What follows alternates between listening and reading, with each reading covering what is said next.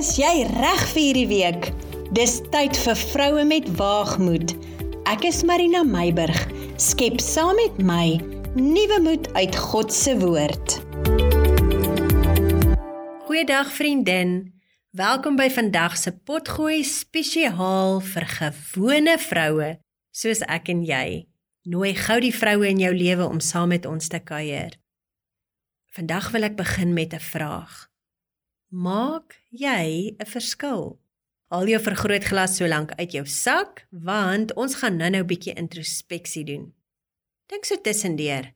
Jy wie Marina, Susan, Jani, Koba, Gerda of wat ook al jou naam is, kan jy met jou vinger wys na gebeure of dalk mense waar jy 'n verskil gemaak het of besig is om te maak. Die mensdom wil graag geken wees as die of daardie groot wat ook al. Maar groot het eintlik iewers klein begin.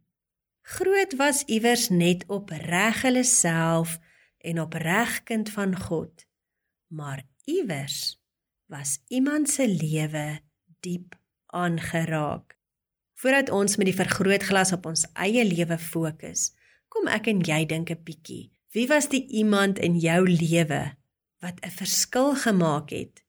Dit kan natuurlik negatief of positief wees, maar vandag wil ek graag die klem op die positiewe aanrakings plaas. Die lewe het sy eie gesig, trek, suurlemoensuur ervarings. Ek wil graag hê ons moet so 'n bietjie op die sonskyn dinge fokus tydens vandag se saamkuier. Ek glo jy dink nou met 'n breë glimlag oor 'n ouma of 'n oupa, een of beide ouers dalk, 'n oom of 'n tannie, dalk iemand in jou gemeente, 'n vriendin, 'n onderwyser, 'n geestelike leier of dalk selfs 'n vreemdeling in die sitplek langs jou op 'n vliegtyg, 'n bus of selfs 'n trein. Iemand het genade en liefdespore in jou lewe gelaat wat 'n blywende indruk op jou gemaak het. Dalk was dit vir 'n lang tydperk, vir 'n kort periode of selfs net 'n vlugtige oomblik, maar jy het 'n storie om te vertel van iemand wat 'n verskil in jou lewe gemaak het. Dit kan natuurlik ook in meervoud wees, want ek glo dat die Here vir ons mense oor ons pad stuur in die verskillende groeifases van ons lewe. Nadat jy die verskilmakers in jou lewe geïdentifiseer het, wil ek jou aanmoedig om vir hulle te bid en die Here te eer vir sy genade deur hulle op jou pad te plaas. Indien hulle dalk nie meer lewe nie of jy dalk nie meer kontak nie, wel dalk ken jy nie eens die persoon se naam nie.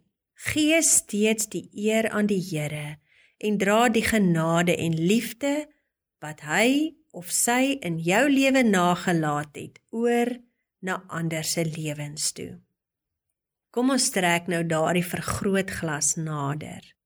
Dit is heel moontlik dat jy nie eens weet van mense wie se lewe jy aangeraak het in die verbygaan nie, maar die van wie jy weet, die waar jy die verskil en groei kon waarneem. Dank die Here dat hy jou as instrument gebruik het in hulle lewens en gee aan hom die eer Moenie die eer vir jouself vat nie. Laat hy die groot wees en bly jy nederig in jou roeping as Christen vrou. As jy graag mense se lewens wil verryk en jy wil graag 'n verskil maak, maar nie weet waar en hoe om te begin nie, kom ons skryf 'n paar gedagtes op notapapiertjies neer en gooi hulle in 'n bottel. Dan begin jy met een papiertjie op 'n slag en oefen dit En so gaan jy aan en vertrou die Here dat hy mense oor jou pad sal stuur waar jy verskil kan maak met die gedagte of papiertjie wat in jou hand is. Die eerste gedagte wat ek in jou hand wil sit is: begin by jou familie, jou huisgesin. Verlede week het ons gepraat oor die bederfery van kinders en jou man en die voelente wat dit in ons persoonlike lewe veroorsaak. Kom ons gebruik nou die wysheid wat die Heilige Gees ons verlede week geleer het en pas dit toe om nie nuwe volente in ons lewens te anker nie, maar om 'n verskil te maak wat geestelike en emosionele groei tot gevolg kan hê. In plaas daarvan om jou kinders te bederf deur alles vir hulle te doen, maak 'n verskil om vir hulle vaardighede aan te leer wat dalk aanvanklik nie lekker is nie, maar wat vir altyd 'n verskil in hulle lewens kan maak. Ek wil vinnig vir jou 'n lekker onthou storie vertel wat eintlik 'n humoristiese wending aangeneem het om ons Vadersdag etenstafel gister. In ons huishouding neem ons self die verantwoordelikheid om dit skoon te hou en neem ook kosmaak beurte. Oor die jare het verskeie vriende en liefdes van die kinders wat gereeld naweke oorkuier, soms saam met ons ingespring as die kuier oor skoonmaaktyd val en ek is heeltemal gemaklik daarmee as die kinders, wel selfs kuierkinders, wil inspring en iets maak om te eet. Ons probeer dit maar altyd pret maak wanneer ons skoon maak, dan is die skoonmaakwerk darm aangenaam ook en ons is in elk geval 'n hele handvol. So, vele hande maak ligte werk. Die lewe is mos maar wat jy daarvan maak. Nou, om terug te kom by die gesprek om gister se etenstafel. So spot die kinders oor en weer oor die huis skoonmaakery en kosmaakvaardigheid want vir Vadersdag het ek en die dogters die kosse gemaak en Ouboet het die malva pudding gebak. Die groot spot het toe begin oor ons middelste dogter en haar verloofde wat ou Boet terg oor wanneer sy vrou haar opwagting maak en wat hulle en kleinsus alles met haar gaan doen om haar in te breek by hierdie familie. Ons het so gelag dat die trane eintlik rol. Die eerste ding wat die geskerts aan die gang gesit het is dat as Ouboet se vrou haar verskyning maak, sy eerste haar besemlisensie moet kry en dan haar mop learners voordat sy haar moplisensie kan kry. Jy lag seker nou lekker, nê? Nee. Ons ondervinding oor die jare was dat heelwat kinders nie werklik weet hoe om 'n besem en 'n mop reg te bestuur nie.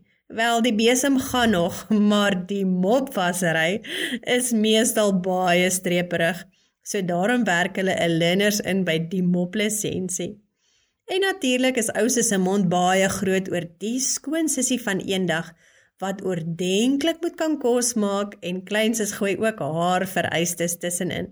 Terwyl hulle so skerts en oor en weer kampte gedreigemente en groot praat dinge soos 'n tennisbal heen en weer oor die tafel lag en gesels, dink ek so by myself, ja, julle lag nou lekker, maar dit was 'n proses om vir julle te leer kos maak en om netjies te maak, skoon te maak en die voorkeur om so te leef in te skerp.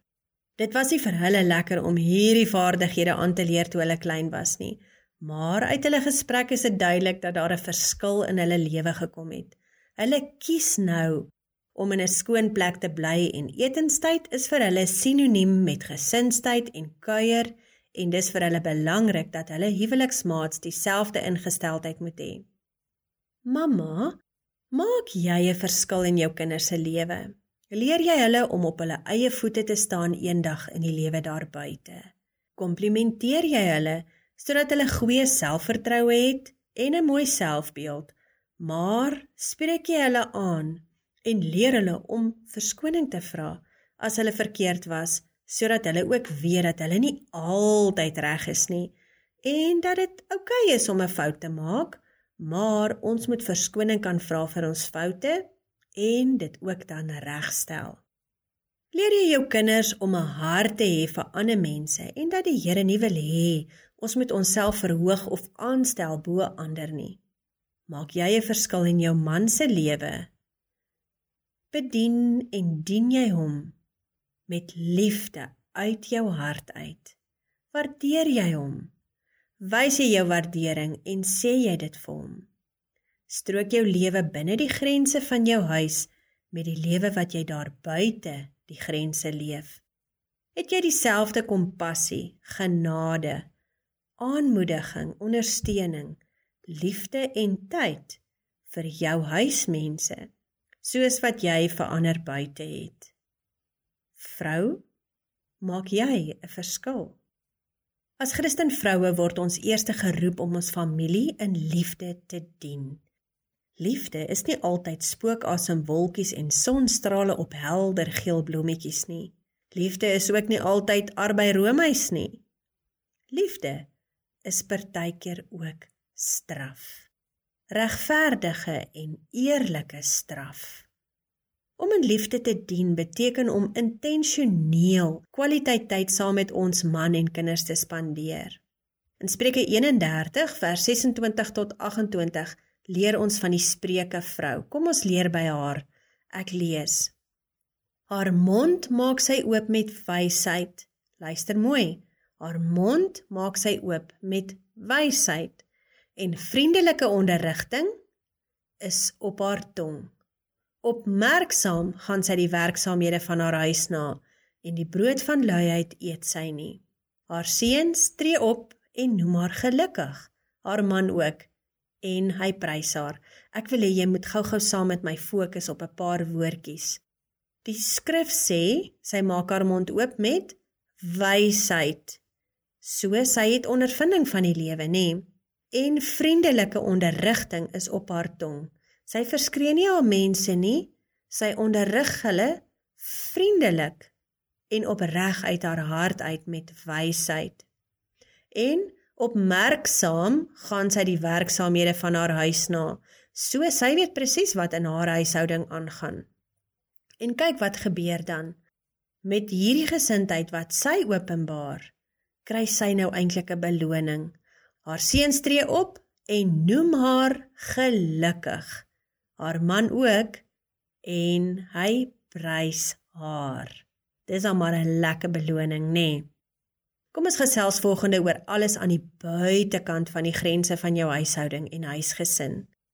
Ons lees in Kolossense 3 vers 23 tot 24. En wat julle ook al doen, doen dit van harte soos vir die Here en nie vir mense nie omdat julle weet dat julle van die Here die erfenis as vergelding sal ontvang, want julle dien die Here Christus.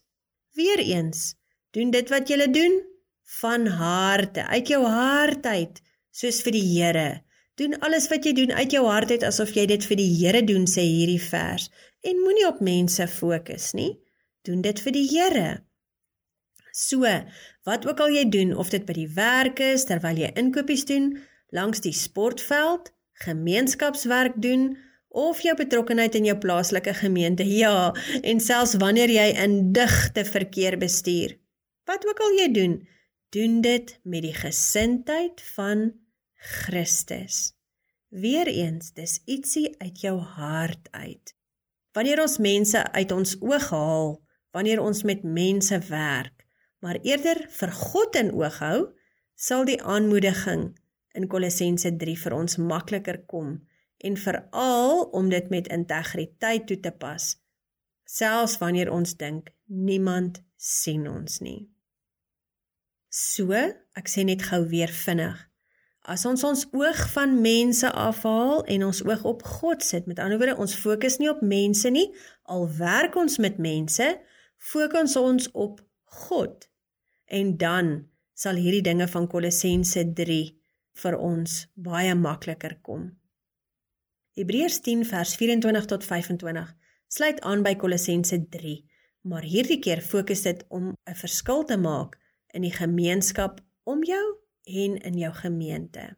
Dit lees: En laat ons op mekaar ag gee om tot liefde en goeie werke aan te spoor en laat ons ons onderlinge byeenkomste nie versuim soos sommige die gewoonte het nie maar laat ons mekaar vermaan en dit des te meer na mate julle die dag sien naderkom.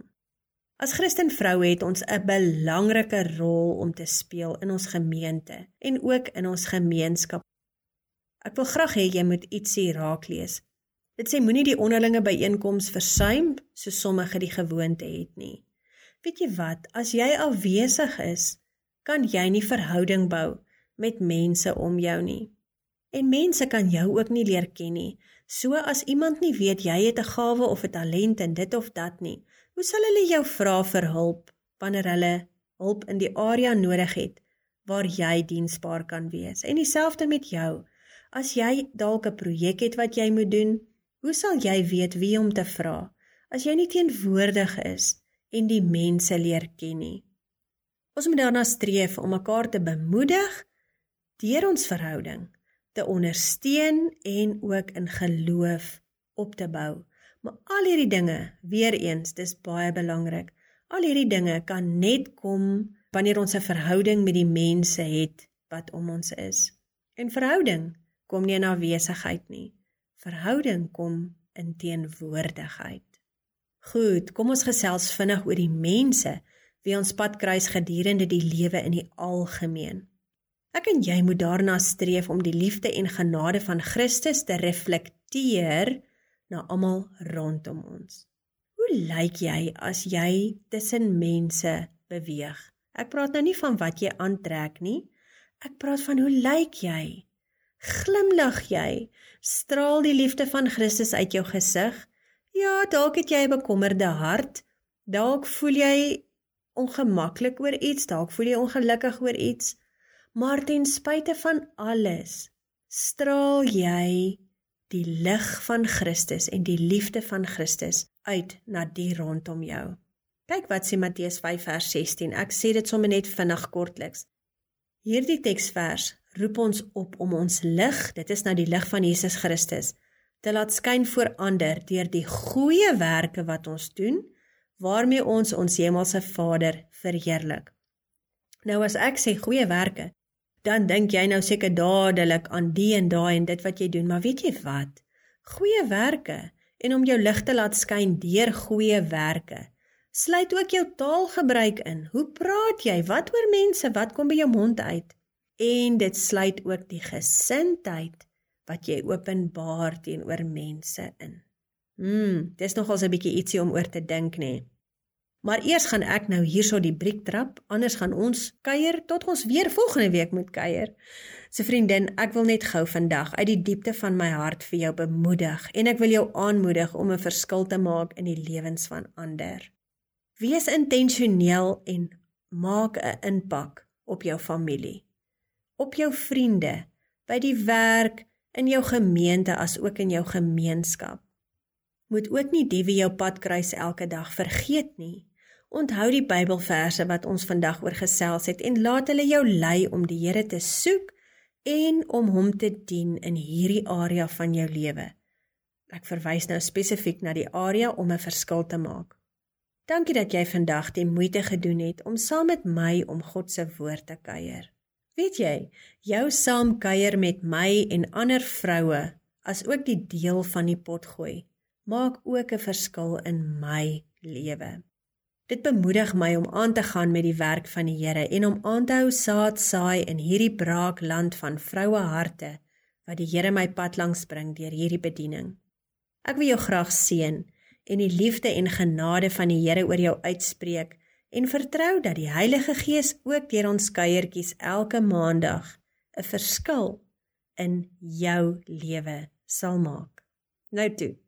Groete van my huis aan joune.